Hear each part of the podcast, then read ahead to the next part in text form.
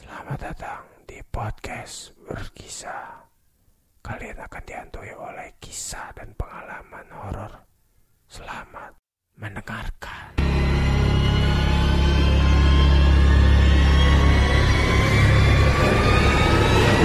Sekarang kita dapat cerita nih bang dari temen gua Oh iya, tentang apa tuh? tentang perjalanan dia naik gunung. Oh, Nah, perjalanan dia naik gunung bareng tiga orang temennya. Nah, cuma nama gunungnya ini disembunyikan iya. karena khawatir ada pihak-pihak yang merasa dirugikan. Oh, Oke, oke, Oke. oke. Masuk, langsung masuk ya. Oke, siap. Lokomotif Pos 3. Halo, Assalamualaikum, Ham, lagi di mana? Sapaan dari telepon genggam kedua pemuda itu terdengar. Rama dan Ilham namanya. Waalaikumsalam, iya Mas Rama. Baru selesai tugas, kenapa Mas? Jawab Ilham. Begini Ham, Mas mau ajak kamu ke gunung di hari dekat-dekat ini, apa ada waktu luang? Tanya Rama. Wah, kedengarannya seru tuh. Boleh mas, iya aku ikut. Ujar Ilham tersenyum. Perjalanan ini memang sudah direncanakan Rama dari jauh-jauh hari sebelumnya. Sebelum Rama memutuskan Ilham sebagai teman perjalanannya. Iya benar, di kabupaten daerah itu memang memiliki berbagai gunung yang menawan. Beberapa di antaranya adalah gunung yang ingin Ilham dan Rama tuju. Gunung itu sangat ikonik bagi masyarakat sekitar dan sangat akrab di telinga para pecinta hiking. Gunung itu memiliki ketinggian sekitar sekian meter di atas permukaan laut dengan puncak beberapa sabana dan berbagai keindahan juga misteri di atasnya. Tepat pada Sabtu tanggal 12 Mei 2018, kami berdua memutuskan untuk melakukan perjalanan menuju kabupaten tersebut. Kami berangkat menggunakan mobil pribadi Taufik. Taufik dan Rani adalah personil baru dalam perjalanan ini. Mereka berdua adalah teman Ilham di masa sekolah dasar. Mereka periang dan bijaksana. Pagi itu, Sabtu 12 Mei 2018. Kami semua sepakat untuk berkumpul di depan rumah Taufik di Jalan Mangga, Desa Mekarsari, Kota Depok. Menunggu Rani seraya menyiapkan segala hal untuk kami bawa. Di wajah dinding rumah Taufik telah disandarkan tiga ransel milik mereka bertiga. Nah, itu Rani. Rani tiba pukul 7 pagi disambut sapaan Rama di ujung langkahnya. Maaf mas, aku telat, aku kesiangan, hehe, jawab Rani. Di antara kami berempat, Rama adalah orang yang dituakan. Panggilan hormat kami kepadanya adalah mas. Bagaimana? Apa sudah siap semua Ran? Fikham tanya Rama, sekedar memastikan bahwa semuanya sudah siap. Sudah mas, langsung berangkat yuk, jawab Rani. Kami memulai keberangkatan 30 menit setelah Rani tiba. Dari kediaman rumah Taufik sampai di jalur pendakian gunung, kami menghabiskan waktu perjalanan selama 11 jam. Di dalam perjalanan, kami ditemani canda tawa si Priang Rani mencari sedikit informasi terkait gunung yang akan dituju. Lagu-lagu, khayalan-khayalan yang memikirkan sekiranya apa yang dapat kita lakukan di sana selain mendaki, beristirahat dan saling menghela nafas segar di luar kendaraan. Huh, ah, ini tempat yang sangat indah walaupun kita belum sampai tujuan. Tetapi kita sudah lihat bagaimana indahnya gunung itu, ujar Ilham. Kira-kira sudah separuh perjalanan, kami memutuskan untuk beristirahat di samping kebun teh yang sudah terkena aspal di kening tanah suburnya. Yang sudah tampak jelas tujuan kami sudah tinggal beberapa kilometer lagi setelah warung yang kami singgah ini. Warung Ibu Salamah namanya. Bu, itu benar gunung di kabupaten ini kah? Tanya Rani kepada ibu pemilik warung itu. Haah, bener non, eta gunungna kalian mau ke sana? Jawab ibu warung itu, seraya bertanya kembali kepada Rani. Iya bu, kita berempat mau ke sana, jawab Rani. Walah non, kalian mau berlibur atau gimana non? Dengan nada Sundanis, ibu Salamah bertanya kembali. Iya bu, benar, kami sedang liburan. Di kuliahan kami libur bu, dan itu yang memakai topi bu. Nah, dia saja yang sudah bekerja.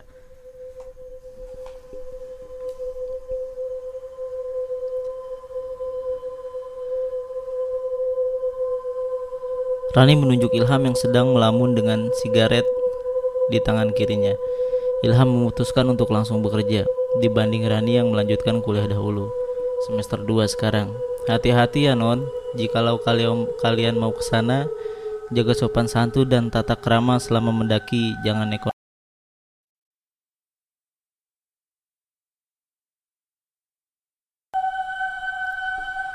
yang mewakili kami berempat sambil menikmati hidangan yang kami pesan ke ibu.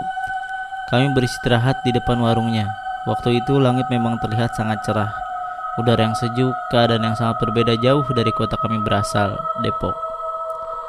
Hari ini sangatlah cepat di warung ini waktu menunjukkan pukul 15.30 waktu Indonesia Barat dan waktu asar pun tiba. Lalu lalang petani dari perkebunan tampak terlihat di jalan raya depan warung Ibu Salamah. Mereka tampak bahagia sepertinya dengan ikatan karung yang berbeda di setiap petaninya. Jelas kebahagiaan terlihat dari kelopak matanya sekilas. Warung Ibu Salamah hanya sebuah warung dengan papan sebagai penutupnya. Jika ingin membuka warungnya, Ibu Salamah mendorong papan itu ke atas dan ditahan menggunakan bahan baja bekas. Memang banyak mitos-mitos di kawasan gunung tersebut. Informasi ini sengaja kami cari selama perjalanan. Sebagian masyarakat yang bermukim di kaki gunungnya masih percaya tentang adanya mitos-mitos larangan itu. Tepatnya di kawasan gunung mayoritas petani perkebunan yang sangat lihai dan apik menjaga alam sekitarnya. Semoga kami tidak apa-apa di sana. Amin. Jadi berapa bu semuanya? Bertanya Rama kepada ibu warung itu. Semua jadi 40 ribu mas, rokok satu bungkus, mie rebus dan 4 es teh manis. Ujar ibu Salama. Kami melanjutkan perjalanan selepas mereka cukup kami beristirahat di warung itu. Cukup lama, 40 menit kami berada di sana. Perkiraan kita sampai di pos simaksi pendakian itu malam. Menurut kalian, kita langsung naik. Atau menunggu pagi dulu di sana, Rama. Hmm, aku ikut aja deh mas, jawab Rani. Kalian berdua gimana Ham, Fik? Tanya Rama. Iya mas, kita berdua juga ikut mas aja, ya nggak Ham? Jawab Taufik. Ilham tidak mau panjang lebar, Ilham mengiyakan. Tiba pukul 20.00 waktu Indonesia Barat, tempat simaksi pendakian. Rani, Taufik, dan Ilham menurunkan semua barang dari mobil dan memegang masing-masing kepunyaannya. Ransel, handphone, dan barang-barang yang lainnya. Rama mencari tempat parkir. Terlihat di parkiran ini hanya beberapa motor yang mengisi lahan kosong yang diperkirakan luasnya 40 kali 80 meter. Bilik-bilik di sekelilingnya juga kabut yang belum terlalu tebal. Kami disambut dengan berbagai suara hewan-hewan di sana, sapaan angin dengan angin-angin yang sedikit demi sedikit masuk melalui sela-sela jaket kita. Tetapi Ilham tetap diam dan murung saja. Tas Rama ada di depan tulang kering Ilham. Ia menjaga agar tidak terlebih dahulu kotor. Tas aku mana, Fik? Rama sampai dan kami berkumpul kembali. Tuh di depan Ilham, jawab Taufik. KTP kalian ada, Rama. Rama berjalan sendiri untuk mendaftarkan diri sebagai pendaki yang naik pada tanggal 12 Mei 2018. Kawan yang lain menunggu di bilik-bilik tempat beristirahat pendakian. Permisi mas, Rama. Iya A, ada yang bisa dibantu petugas simaksi pendakian. Ini saya mau mendaftar pendakian, ada teman saya di sana, kartu identitas sudah di sini saya pegang. Rama menuju ke arah bilik dengan tiga teman di depan biliknya. Beberapa orang merengkuh dirinya sendiri, memainkan kaki ke depan dan ke belakang, dan tetap Ilham masih diam saja. Oh, itu temannya ya, A. Yang berdua itu ya. Mana A identitasnya? Jawab petugas dan beberapa arahan yang disampaikan kepada Rama. Pendaftaran pendakian selesai. Rama tampak bahagia, agak sedikit kebingungan dan kami berempat naik via jalur kedua pendakian. Gimana mas, beres? Taufik yang sudah mulai akrab dengan Rama. Beres, Alhamdulillah. Yuk segera kita siap-siap. Udah jam berapa nih? Rama?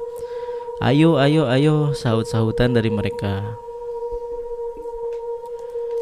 Informasi dari petugas, waktu pendakian yang dibutuhkan kurang lebih 4-5 jam dengan trek, batuan dan pasir yang akan dilalui dari pos 2 ke pos 3 untuk keseluruhan, ada empat pos pendakian yang cukup curam dan licin yang bebatuan kecil.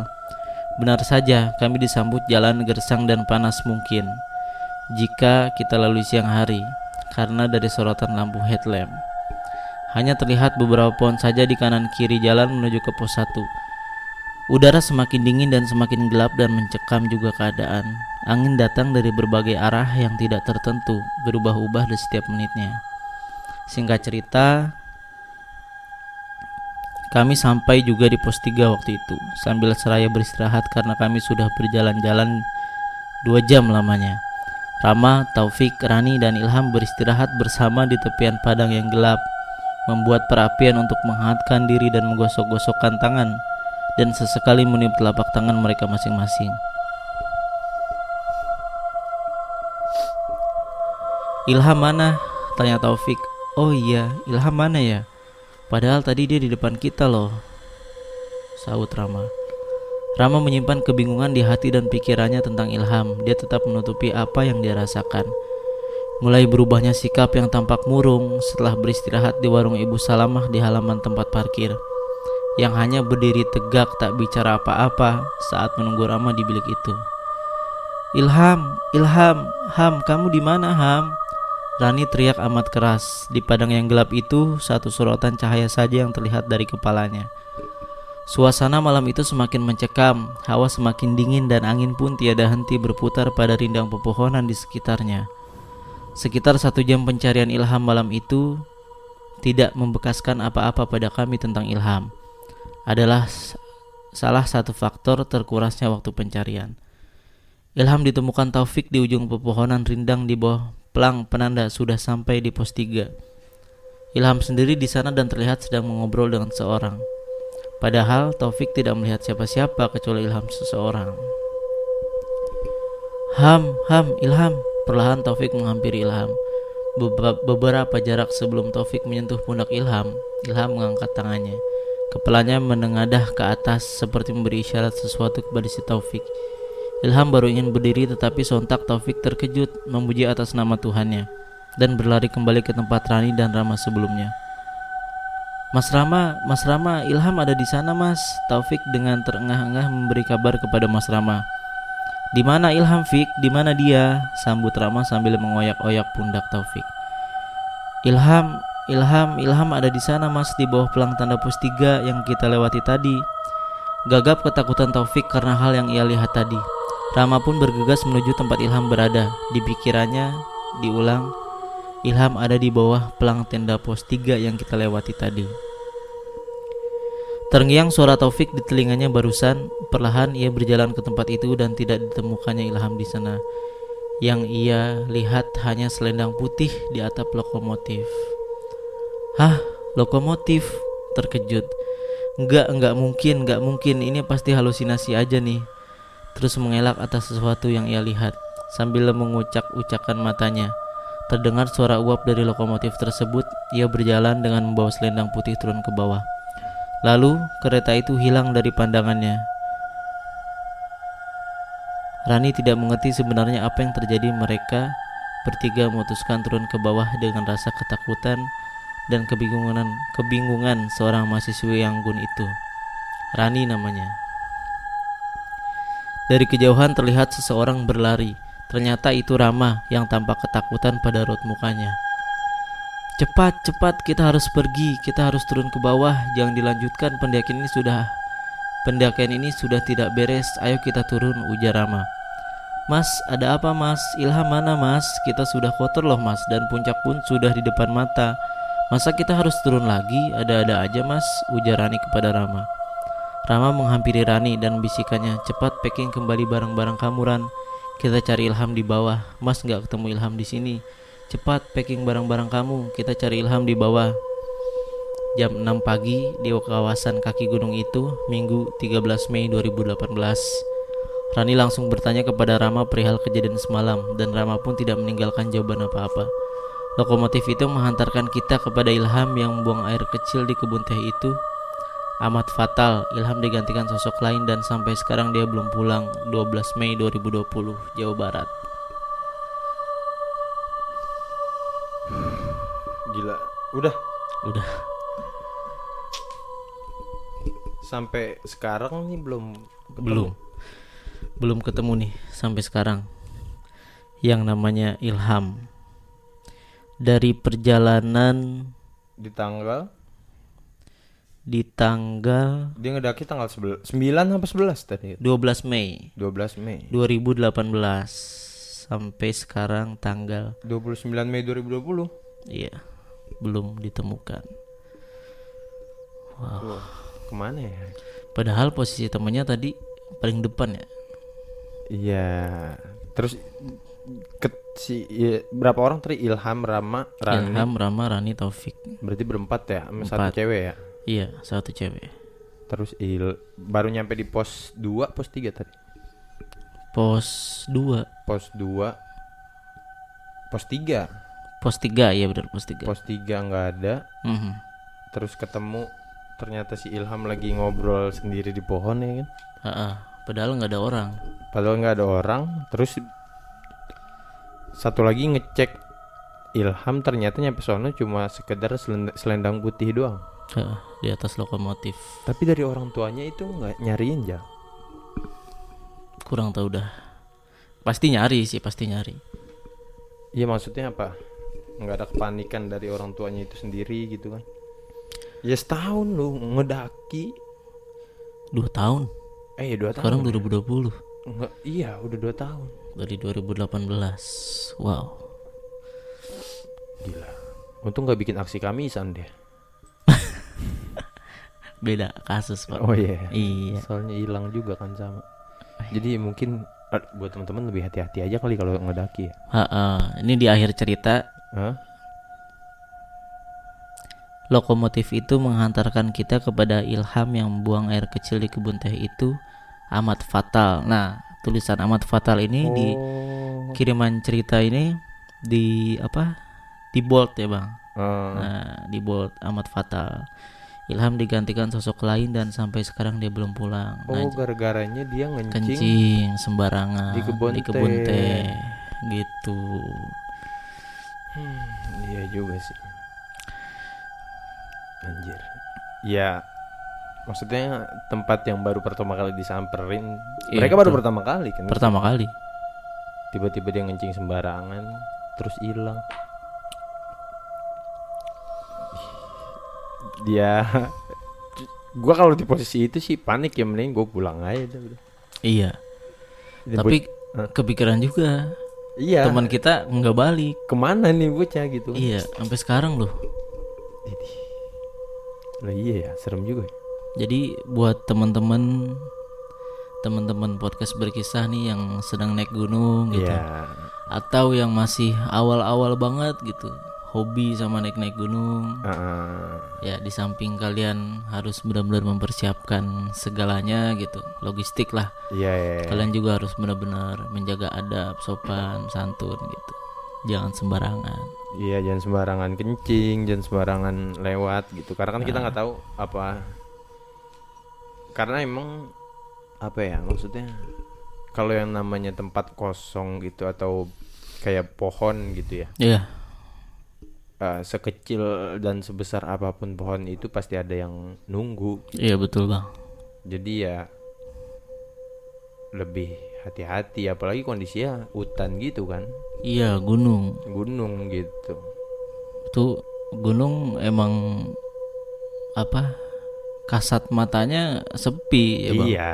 tapi tak kasat matanya pasti banyak penunggunya Nah itu dia nggak tahu. Jadi lebih lebih hati-hati aja deh buat temen-temen yang ngedaki dan semoga si Ilham ini cepet ketemu dah. cepat ditemukan Iya cepet balik gitu. Soalnya dulu juga pernah ada yang kayak gitu Jal oh iya bang di rumah gue tuh. Kalau dia bukan orang ngedaki, jadi eh dia udah nikah gitu, Hmm. udah agak tua gitu. Hmm. Terus eh, nyuci di kali, nyuci di kali nyuci di kali. itu tahun berapa bang emang ekonominya tuh kurang gitu. Jadi orang-orang di rumah gua tuh masih banyak yang nyuci di kali gitu. Oh. Iya akhirnya dia nyuci di kali nggak lama tiga hari hilang aja tapi udah sempet balik? Enggak dia jadi nyuci nih. Nyuci. Nyuci nggak pulang-pulang tuh. Oh. Anaknya kan nyariin ya? Hahaha. tiga hari nggak pulang kata Hahaha.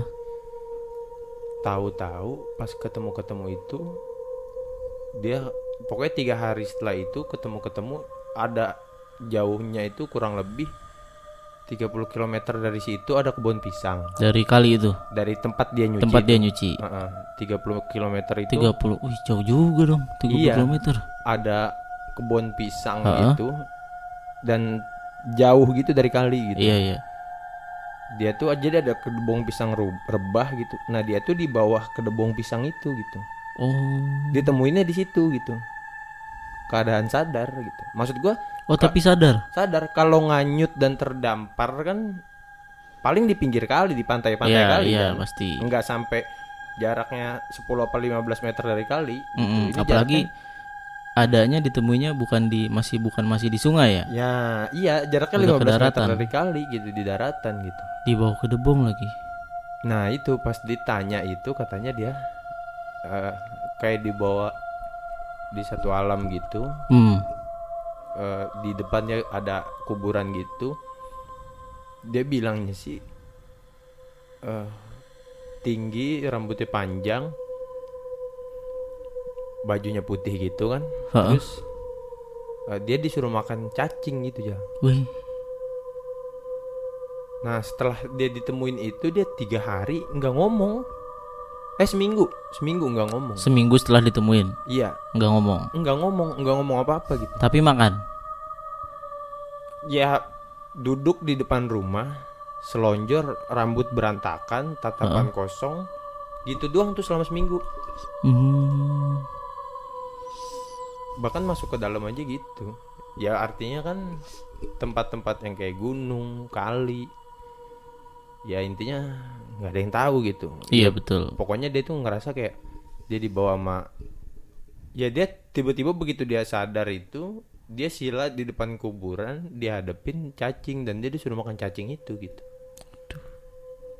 Gitu. Maksud gua kalau kolong wewe kan nangkepnya anak kecil ya. Iya betul. gitu. Ini bukan kolong wewe kan berarti. Kolong bobo. Nangkapnya bapak-bapak soalnya. enggak bukan bawa apa ibu-ibu aja Oh ibu-ibu. ibu-ibu ini Oh, kolong wiwi berarti. ya pesan aja paling buat teman-teman nih dan segitu aja kisah Ah, ah. Eh, agar kita lebih berhati-hati juga gitu Tapi harus tetap semangat mendaki gunung, Bang. Iya. Jangan sampai dengan cerita Jaga. ini takut, jangan. jaga kebersihan Jaga juga kebersihan. lo kan tujuan ke sono kan mau dapat udara segar Usaha tadabur alam ya, Bang. iya jangan akhirnya sampai sono malah nyampah gitu Melihat kasihan alam. keindahan ciptaan Allah. nah, nah gitu ya segitu aja paling nanti Oke. balik lagi di kisah-kisah selanjutnya dan wassalamualaikum warahmatullahi wabarakatuh